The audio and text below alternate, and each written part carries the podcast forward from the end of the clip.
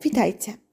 Z tej strony Krzysia Gąsiorowska i zapraszam Was na kolejny odcinek skrótu sejmowego podcastu Fundacji Edukacji Obywatelskiej, w którym omawiamy posiedzenia Sejmu i przybliżamy Wam najnowsze akty prawne oraz wyniki głosowań i debat mających miejsce podczas obrad. W tym odcinku usłyszycie skrót z 56. posiedzenia, a w nim tematy takie jak resocjalizacja nieletnich, finansowanie programów mieszkaniowych, zmiany w ustawie o Sądzie Najwyższym i pomoc dla kredytobiorców. Zapraszam do wysłuchania. Podczas posiedzenia przedstawiony został projekt zmiany ustawy o wspieraniu i resocjalizacji nieletnich.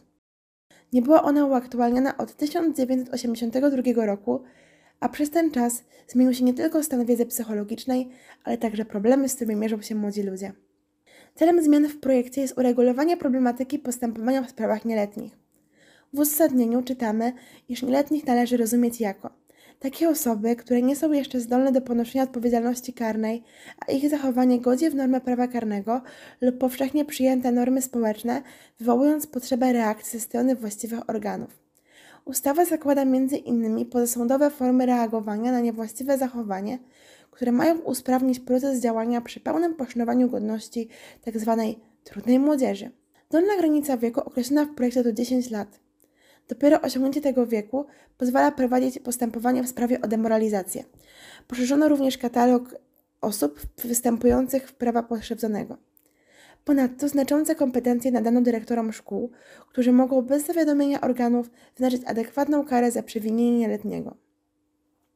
Ustawa zakłada także wprowadzenie okręgowych ośrodków wychowawczych oraz zakładu poprawczego dla osób, które ukończyły 21 lat. Ustawę uchwalono na posiedzeniu 9 czerwca większością 229 głosów. Kolejną kwestią poruszoną podczas posiedzenia był projekt ustawy o finansowaniu programów mieszkaniowych.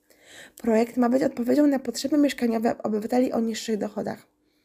Założenia projektu dotyczą m.in. wprowadzenia nowych źródeł finansowania poprzez możliwość sprzedaży skarbowych papierów wartościowych, umożliwienia występowania gminy o umorzenie udziałów w momencie niedopełnienia zawarcia umowy przez społeczne inicjatywy mieszkaniowe.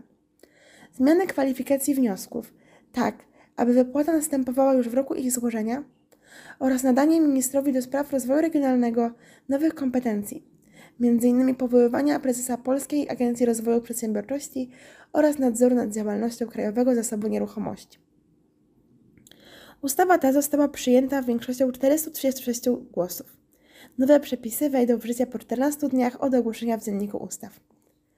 Podczas posiedzenia przedstawiono także poprawki Senatu do ustawy wprowadzającej zmiany w Sądzie Najwyższym, w szczególności dotyczące likwidacji Izby Dyscyplinarnej. O samej ustawie dowiecie się więcej także z podcastu z 51 i 55 posiedzenia. Senat zaproponował m.in., aby sędziowie orzekający w nowej Izbie Odpowiedzialności Zawodowej byli wybierani spośród sędziów Sądu Najwyższego, mających jednocześnie 7 lat stażu sędziego Sądu Najwyższego. Zdaniem senatorów osoby zasiadające w obecnej Izbie Dyscyplinarnej powinny stracić możliwość zajmowania stanowisk sędziowskich w Sądzie Najwyższym, a orzeczenia Izby Dyscyplinarnej powinny być uznane za nieważne, a tym samym nie mające skutków prawnych.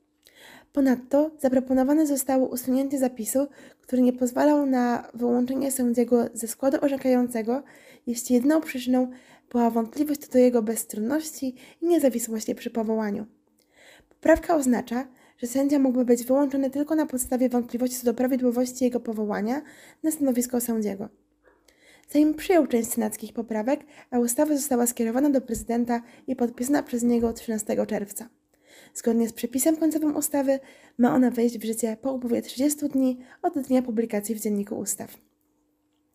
Poruszona została również kwestia pomocy kredytobiorcom w ramach tarczy antyinflacyjnej i przedłużenia jej funkcjonowania do końca października.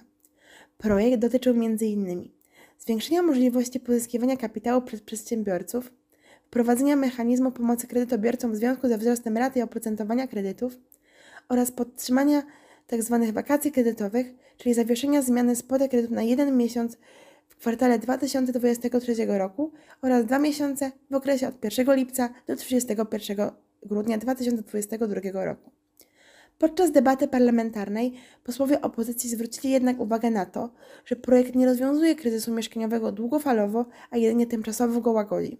Mimo to ustawa została przyjęta większością 445 głosów, a przeciwko głosowało jedynie 6 posłów Konfederacji oraz posłanka klubu Prawa i Sprawiedliwość Monika Pawłowska. To już wszystko w tym odcinku. Dziękuję za wysłuchanie i nie zapomnijcie zajrzeć na nasze media społecznościowe, aby być na bieżąco z najważniejszymi informacjami o polityce i świecie. Zapraszamy także po więcej przy okazji kolejnego posiedzenia.